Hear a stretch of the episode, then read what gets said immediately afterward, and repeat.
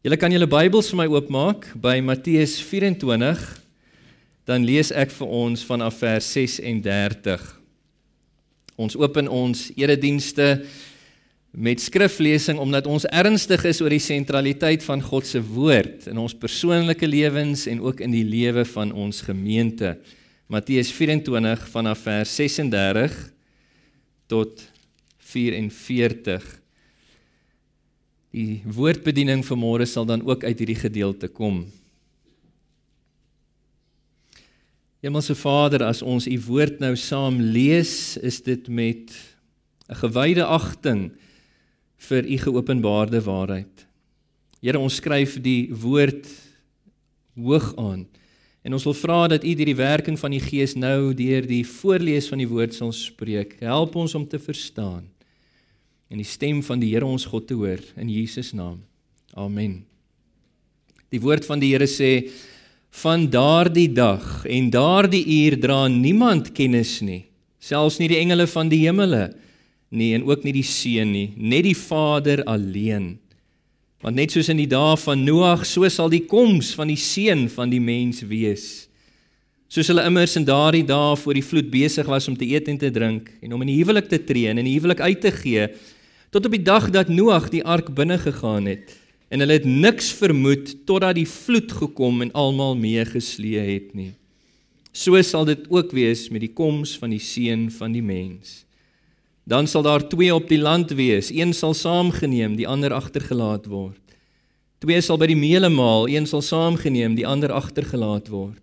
Bly daarom waaksaam, sê die Here, omdat jy nie weet op watter dag jy Here kom nie. Dit moet julle weet, as die huiseienaar geweet het tydens watter nag waak die dief kom, sou hy gewaak het en nie by sy huis laat inbreek het nie. Daarom moet julle gereed wees want die seun van die mens kom op 'n tyd wanneer julle dit nie verwag nie.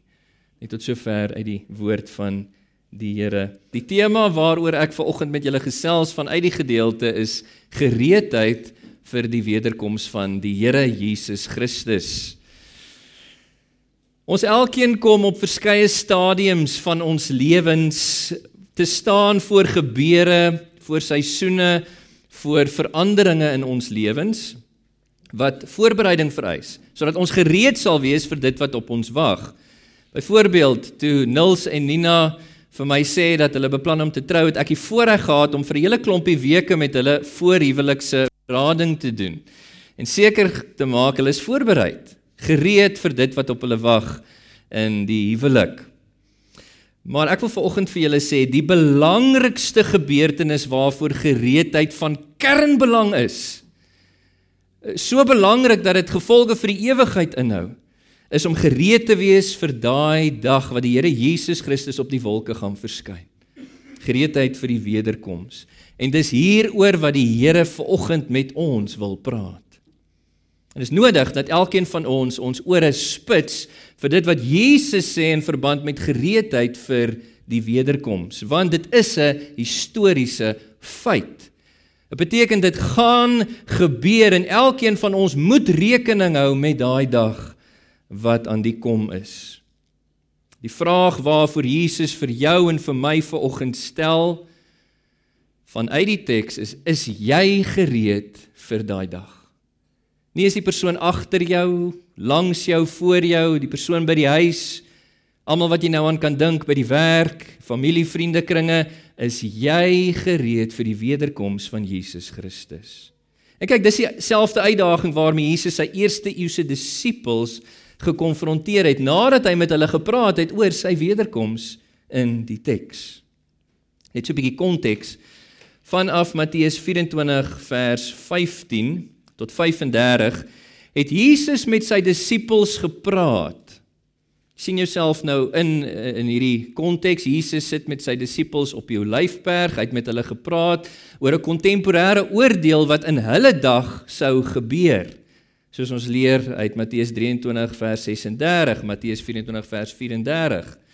Dit sou in hulle leeftyd plaasvind wat sou uitloop op die verwoesting van die heilige stad Jerusalem en die tempel.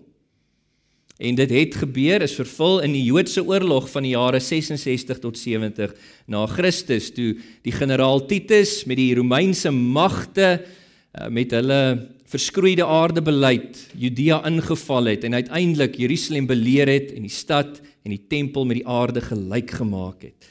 Dit is vervul, maar terwyl Jesus met hulle praat oor daai kontemporêre oordeel in hulle dag, gebruik hy profetiese perspektief soos ek laasweek verduidelik het en en hy projekteer vorentoe na 'n soortgelyke gebeurtenis in die toekoms en hy praat terselfdertyd met hulle ook oor sy finale oordeel oor nie net die Jode nie maar die aarde soos die teks vir ons sê met sy wederkoms by die volëinding van die wêreld kyk gou saam met my na Matteus 24 vers 30 en 31 Jesus het daar hierdie woorde gesê. Dan sal die teken van die seun van die mens aan die hemelruim verskyn. En dan sal al die stamme, ongelowige stamme van die aarde, nie net met die Jode nie, die aarde sal rou klaag op daai dag. Hulle sal die seun van die mens sien kom op die wolke van die hemel met krag en groot heerlikheid. En hy sal dan sy engele wat hom in gewyde prosessie agtervolg uit die hemele uit, hy sal hulle uitstuur met uh, luide trompet geskal, die blaas van daai laaste basuin. En hulle sal sy uitverkorenes, die die gelowiges reg oor die aarde vanuit die vier windrigtings versamel, wegruk, wegraap van hierdie aarde af, die Here Jesus tegemoet in die lig op die wolke. Dit sal wees van die een uithoek van die hemele tot by die andere. En nou in ons teks vanmôre vanaf vers 36, soos ek binnekort sal uitwys, praat Jesus nou weer spesifiek met hulle oor sy wederkoms. Dit wat hy nou genoem het in verse 30 en 31.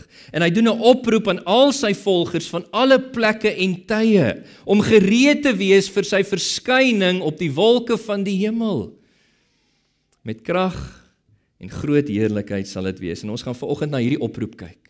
Nou hierdie oproep van Jesus en spesifiek is sy woord van verduideliking en sy woord van vermaaning uit die teks. Woord van verduideliking, woord van vermaaning vanaf Jesus sodat ons nie weens die vertoef van Jesus om te kom ongelowig sal word nie. Dat ons nie ontrou sal word aan hom nie. Dat ons nie ongehoorsaam sal wees aan sy wil vir ons nie. Maar eerder dat ons elkeen sal seker maak dat ons gered en gereed is vir daai dag en dat ons onsself gereed sal bewaar ook vir daai blye dag wanneer Jesus op die wolke verskyn, ons hemelse bruidegom, om ons vir ewig by homself te neem. Net soos Nils vandag sy bruid by homself neem.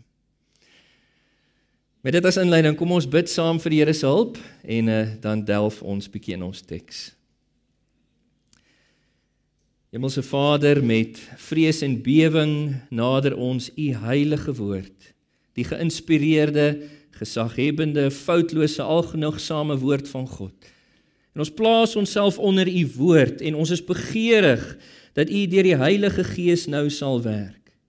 Dat die Gees wat hierdie woorde vir ons geïnspireer het, dat hy dit ook vir ons sal oopbreek en ons sal verlig daarvoor dat ons werklik die stem van God aan ons vanoggend mag hoor deur u woord en Gees. Ag Here, Kom en wees werksaam in ons midde.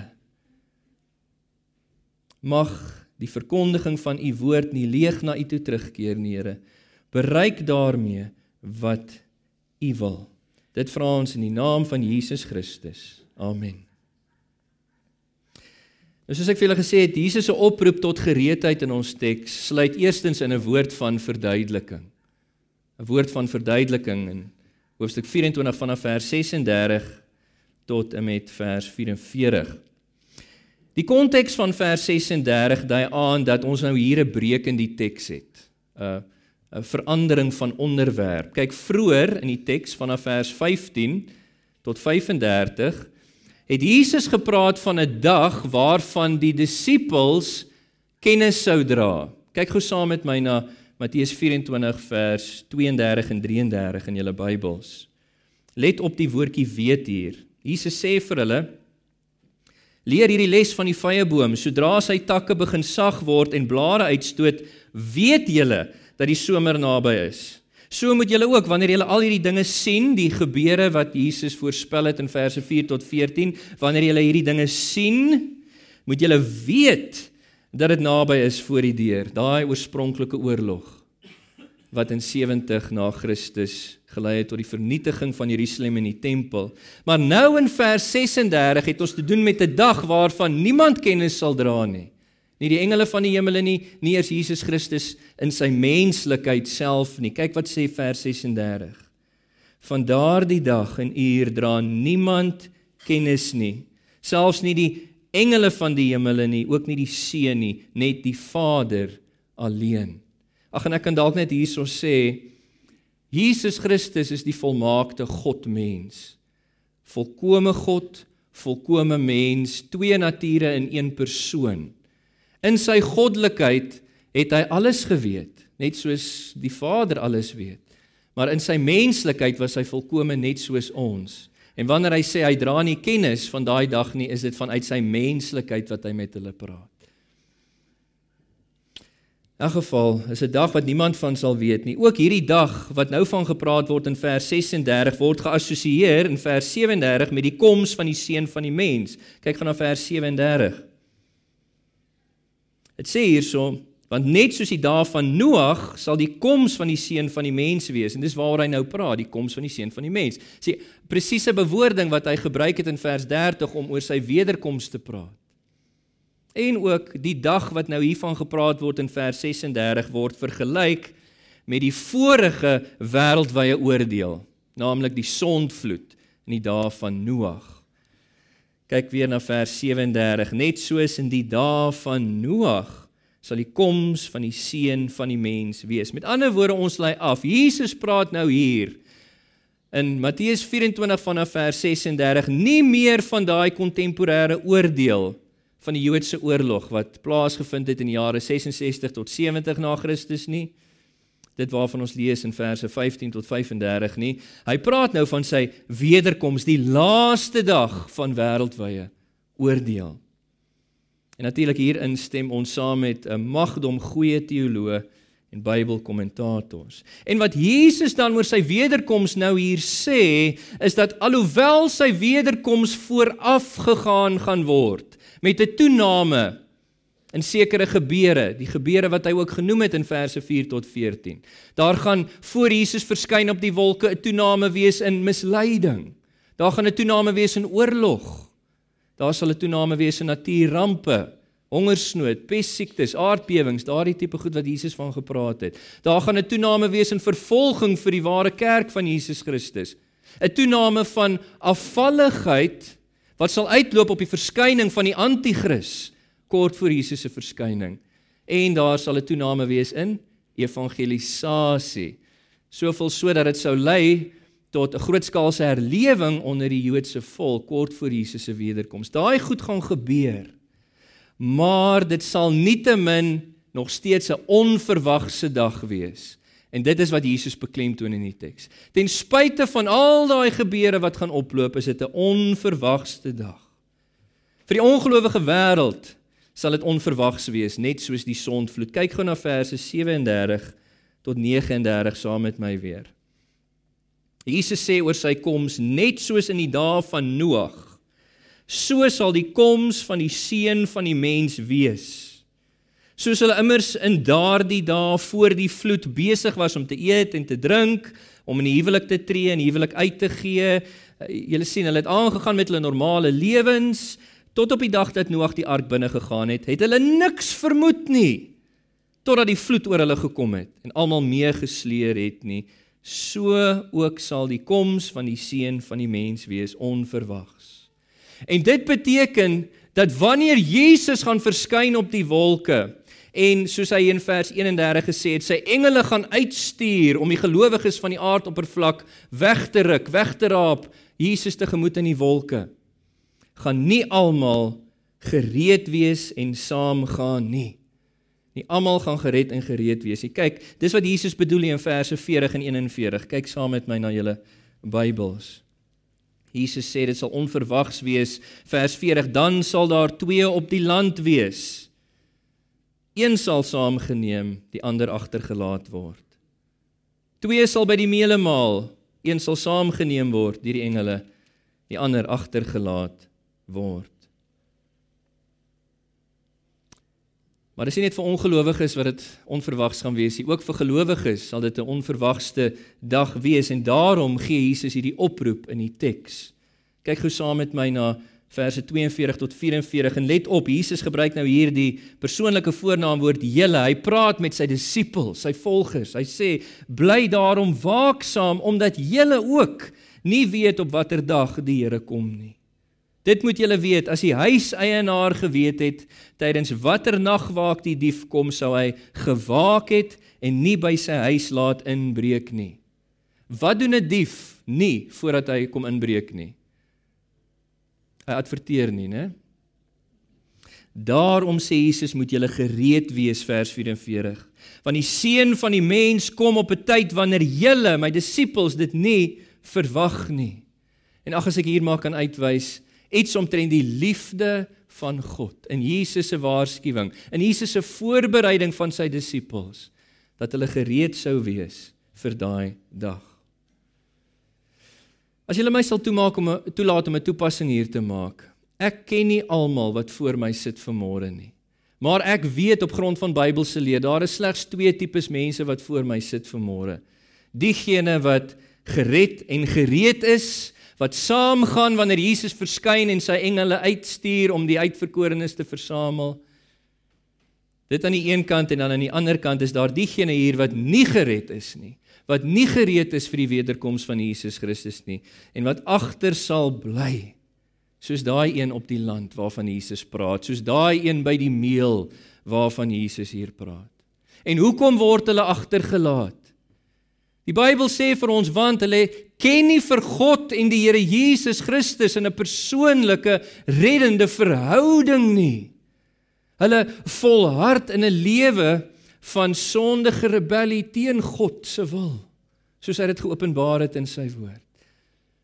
Hulle volhard nie in bekering en geloof nie. Hulle is ongehoorsaam aan die evangelie wat alle mense beveel oral oor om tot bekering te kom van sonde en te glo in Jesus Christus. As jy ver oggend nog nie vir Jesus aangeneem het as jou verlosser en die Here van jou lewe nie, as jy nie die Here Jesus volg op 'n pad van bekering en geloof nie, dan is dit jy wat Jesus hiervan praat. Vir diegene wat nie gered en nie gereed is nie. Vir diegene wat agtergaan bly. Vir hulle gaan dit vir ewig te laat wees, leer die Bybel vir ons. Vir hulle wag daar 'n skrikwekkende veroordeling deur die regverdige regter Jesus Christus tot 'n ewige bewuste pyniging in die vure van die hel vir sonde. Dis verskriklik. Maar die goeie nuus van die evangelie wat ek ver oggend aan julle wil voorhou. En ek hoop julle sien iets van die hart van ons God en Vader in hierdie goeie nuus. Is dat hy sy enige gebore seun Jesus Christus, die einste Jesus, wat as regter sal sit oor die mensdom by sy wederkoms. Hy het hom gestuur binne tyd en geskiedenis in hierdie wêreld in om 'n mens te word namens jou en my. Dit het plus minus 2000 jaar gelede gebeur. Dis 'n historiese feit. En Jesus het gekom om in jou en my plek eerstens die volle prys van ons sonde skuld en ons sonde straf te dra, te betaal aan die kruis deur sy dood. Hy het die dood gesmaak vir jou en my, ons wie dit moes smaak weens ons sonde.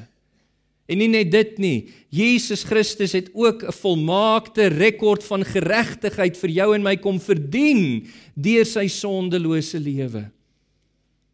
En hy nooi elkeen uit wat ver oggend hier sit en 'n opregte berou het in jou hart oor jou sonde, wat 'n opregte begeerte het om te vlug vir die toorn van God wat aan die kom is in die wêreld oor sonde. Hy nooi jou uit om te kom na hom toe. Want hy sal niemand wat na hom toe kom ooit wegwys nie. Kom na hom toe deur bekering van jou sonde, deur jou geloof in sy verlossingswerk te plaas vir redding. En hy sal aan jou gee volgens die belofte van die woord vergifnis vir jou sonde, verlossing daarvan. Hy sal jou versoen met die Vader en dan jou skenk die genadegawe van die ewige lewe. As jy dit nog nie gedoen het nie, sal jy nie vandag jou toevlug neem na die Here Jesus Christus nie. Niemand van ons wil agterbly die dag wanneer die Here Jesus Christus wel op die wolke verskyn nie. Maar in Jesus se oproep tot gereedheid is daar nie slegs 'n woord van verduideliking oor die onverwagse aard van sy koms nie, daar's ook 'n woord van vermaaning. 'n Woord van vermaaning vanaf hoofstuk 24 vers 45 en heel eerste rig die Here 'n spesifieke woord van vermaaning aan die leiers van sy kerk hierso. Die leiers van sy kerk. Ek verwys hier na die ampsdraers, spesifiek die ouderlinge van Christus se gemeentes. Nie net die ouderlinge van Antipas nie, hier is meer ouderlinge by ons uh, vanmôre maar ook die diakens van die kerke. En wat Jesus sê is gereedheid sluit in vir ons volgehoue getrouheid aan die roeping waarmee die Here ons geroep het om in sy kerk te bedien as ouderlinge, as diakens. En ons het dit vanuit hierdie gelykenis van die huisbestuurder. In Matteus 24 vanaf vers 45. Kyk in julle Bybel saam met my wat sê Jesus. En ek wil hê die ouderlinge en die diakens moet spesiaal oplet. Wie is dan die betroubare en verstandige slaaf, doulos, liefdeslaaf vir wie die eienaar aangestel het oor sy huishouding om vir hulle op tyd kos te gee? Gelukkig is daardie slaaf wie se eienaar hom so aan die werk sal vind wanneer hy kom. Amen. Ek sê vir julle, hy sal hom oor al sy besittings aanstel.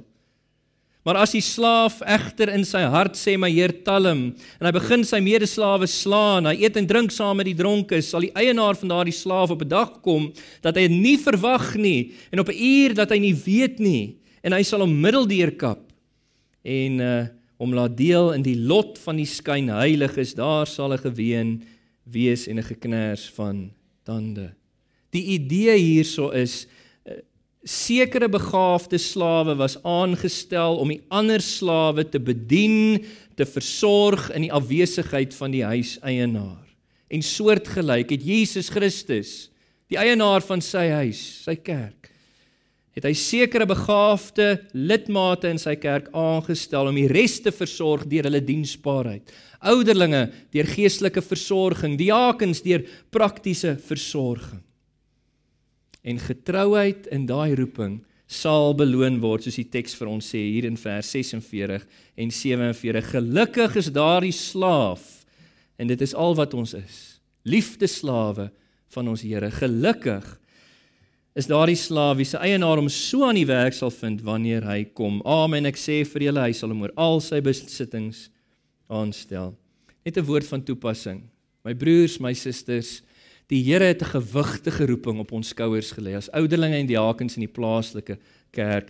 Mag die Heilige Gees ons help om altyd getrou te bly, nie ontrou te raak soos die slegte slaaf in hierdie gelykenis nie, maar ter wille van Jesus se eer, ter wille van sy kerk, ter wille van sy koninkryk om getrou te bly, om gereed te wees vir wanneer die Here Jesus kom.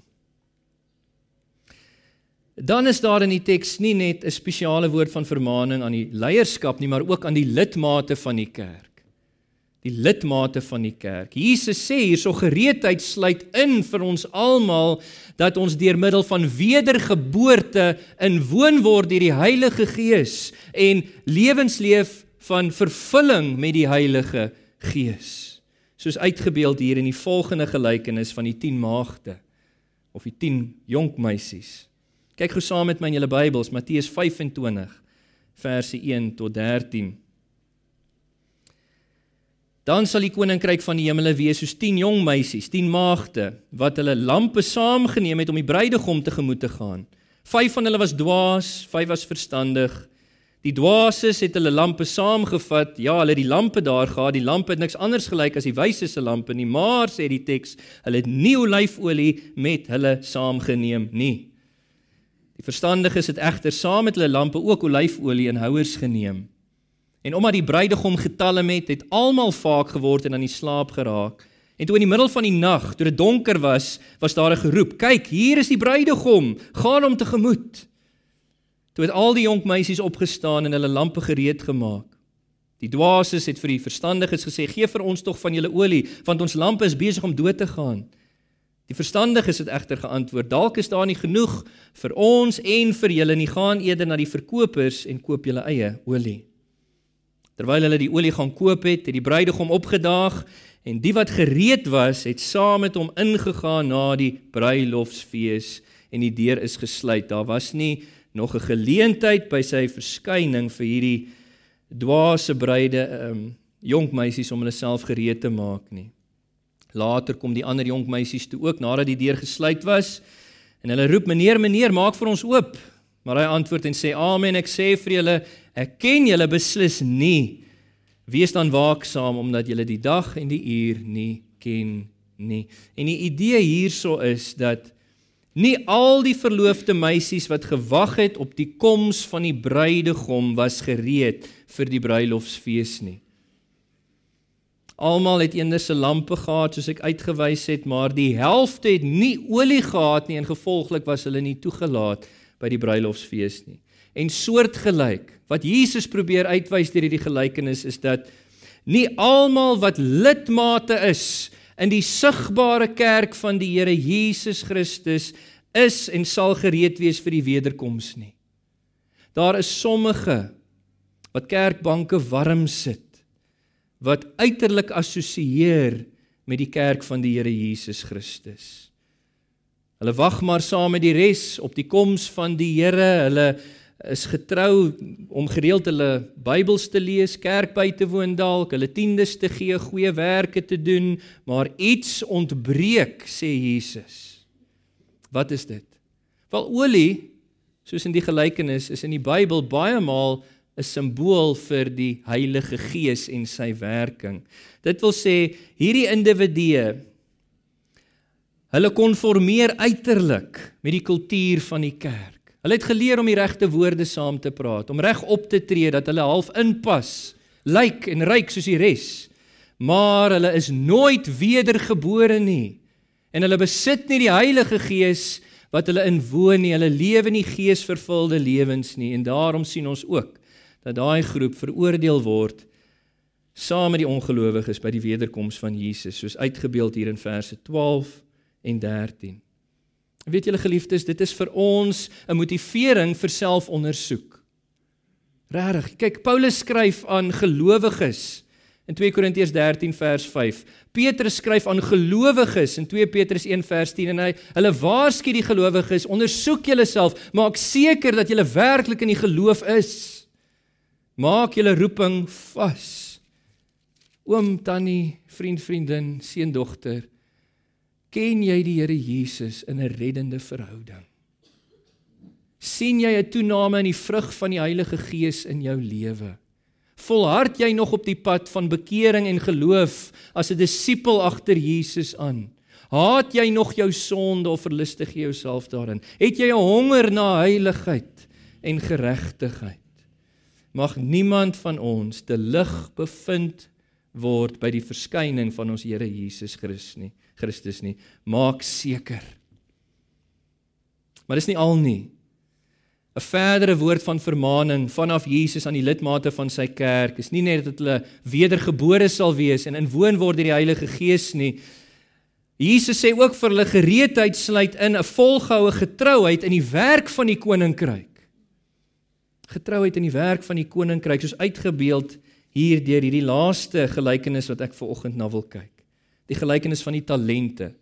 En in die eerste eeu was 'n talent nie 'n begaafdheid soos ons daaraan dink vandag in die Afrikaanse taal nie, dit was 'n geldeenheid. Kyk saam met my na Matteus 25 vanaf vers 14. Dit is net soos 'n man wat op reis gaan en sy slawe roep en sy besittings aan hulle toevertrou. Vir een het hy 5 talent gegee, vir 'n ander 1 2, vir nog 'n ander 1, vir elkeen volgens sy eie vermoë. Daarop het hy vertrek. Onmiddellik het die man met die 5 talente uh, met hulle gaan woeker en 'n wins van nog 5 gemaak. Net so het die man met die 2 nog 2 wins gemaak, maar die man wat net 1 ontvang het, het 'n gat in die grond gaan grawe en sy eienaar se geld gaan wegsteek. En na 'n lang tyd let julle op hierso. In die vorige gelykenis met die maagde het die bruidegom vertoef om te kom, né? Hier sê dit na 'n lang tyd. Dit sê vir ons en dit het vir die eerste Joodse disippels gesê dan mag dalk 'n lang tyd verbygaan voordat die Here sou kom, maar in elk geval na 'n lang tyd kom hierdie eienaar terug. En hy eis rekenskap van daardie slawe van hom. Die man met die 5 talente het gekom en nog 5 gebring. Hy sê toe meneer, u het my 5 talent gegee en kyk, ek het 'n wins van nog 5 talent gemaak. Die eienaar het toe vir hom gesê: "Mooi so, goeie en getroue slaaf, oor min was jy getrou, oor baie sal ek jou aanstel. Deel in jou eienaar se vreugde." Die man met die 2 talente het gekom en gesê: "Meneer, 2 talente het u vir my gegee. Kyk, ek het 'n wins van nog 2 talente gemaak." Sy eienaar sê toe vir hom: "Mooi so, goeie en getroue slaaf, oor min was jy getrou, oor baie sal ek jou aanstel. Deel in jou eienaar se vreugde." Maar die man wat die een talent ontvang het, het ook gekom en gesê: "Meneer, ek ken u." Is duidelik dat hy die Here nie regtig ken nie. Ek glo nie hierdie man was werklik 'n wedergebore individu nie. Hy uh, sê u is 'n hartvogtige man wat maai waar hy nie gesaai het nie, wat oes waar hy nie saad uitgestrooi het nie, omdat ek bang was dat ek die talent in die grond gaan wegsteek. Hier is dit wat aan u behoort. Sy eienaar het hom geantwoord: "Jou slegte en lui slaaf. Jy het geweet dat ek maai waar ek nie gesaai het nie, oes waar ek nie saad uitgestrooi het nie. Daarom moes jy my geld by die bankiers belê het. En met my teruggee sou ek wat myne is met rente ten minste gekry het. Vat dan die talent by hom en gee dit vir die een wat 10 het. Want aan elkeen wat het sal gegee word, hy wat en hy sal oorvloed hê. Wie nie het nie van hom sal ook wat hy het weggeneem word. En gooi die nuttelose slaaf in die duisternis daar buite. Daar sal 'n geween wees en 'n geknars van tande. Die idee hier is maar net dat die huiseienaar het verantwoordelikheid op sy slawe geplaas om met die middele tot hulle beskikking, dit wat hy vir hulle gegee het, te gaan woeker ter wille van sy saak, van sy huishouding, sy voordeel. En soortgelyk het Jesus Christus die hoof oor sy huishouding, die kerk, verantwoordelikheid op ons gelê, ons wat die liefdeslawe van die Here is om met die middele tot ons beskikking te woeker. Daai middele wat hy vir ons gegee het. Wat is dit? Dit is jou gawes, daai vermoëns en talente deur die Heilige Gees bekragtig. Dis jou hulpbronne, jou energie, jou tyd, jou geld. Dit is jou geleenthede in die lewe om met al hierdie dinge te woeker ter wille van die voordeel van sy koninkryk. Dis waartoe hy ons roep. En veral moet ons dit doen in die konteks van die plaaslike gemeente en let op wat sê die Here, getrouheid hieraan sal beloon word. Hulle sal hoor vanaf die Here by sy koms, welgedaan goeie en getroue slaaf. Oor min was jy getrou, oor baie sal ek jou aanstel. Kom en deel in die vreugde van jou eienaar. En hier wil ek 'n woord van toepassing maak aan Nils en Nina. Mag julle altyd op julle pad in die huwelik saam vir mekaar 'n aansporing wees om al die middele wat die Here tot julle beskikking stel te gebruik vir die voordeel van sy eer, sy kerk, sy koninkryk. En daai toepassing wil ek ook aan elkeen van ons rig. Die Here roep ons op hiertoe dat ons nie vir onsself sal leef nie, maar vir hom en die saak van sy koninkryk en alles in die stryd sal werp daarvoor. Sodat ons by sy koms mag hoor welgedaan, goeie en getroue slaaf. Ek wil hierdie boodskap afsluit net deur te sê as jy ver oggend hier sit en jy weet hierdie werking van die Gees in jou hart dat jy nie gered is nie en nie gereed is vir die koms van die Here nie, dan is my gebed dat jy nie rus vir jou siel sal hê totdat jy die saak met die Here uitgemaak het nie. Dit is so belangrik. Moenie uitstel nie. Maak vandag nog reg met die Here vir die res van ons wat weet dat jy weet dat jy weet wat die Gees se getuienis in jou hart het dat jy gered en gereed is mag ons elke oomblik van elke dag van ons lewe die Here prys uit dankbare harte vir sy reddende genade in ons lewens. En mag ons ons dankbaarheid ook wys deur onsself gereed te bewaar. Die krag van die Gees vir die koms van Jesus se dag. Amen. Kom ons sluit ons oë.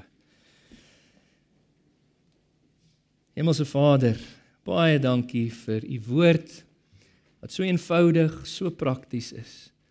Ek wil bid Here dat U nou die naprediker van U woord sal wees, deur die werking van U Gees in ons elkeen se harte dat ons sal gaan mediteer, nadink oor dit wat ons gehoor het vandag.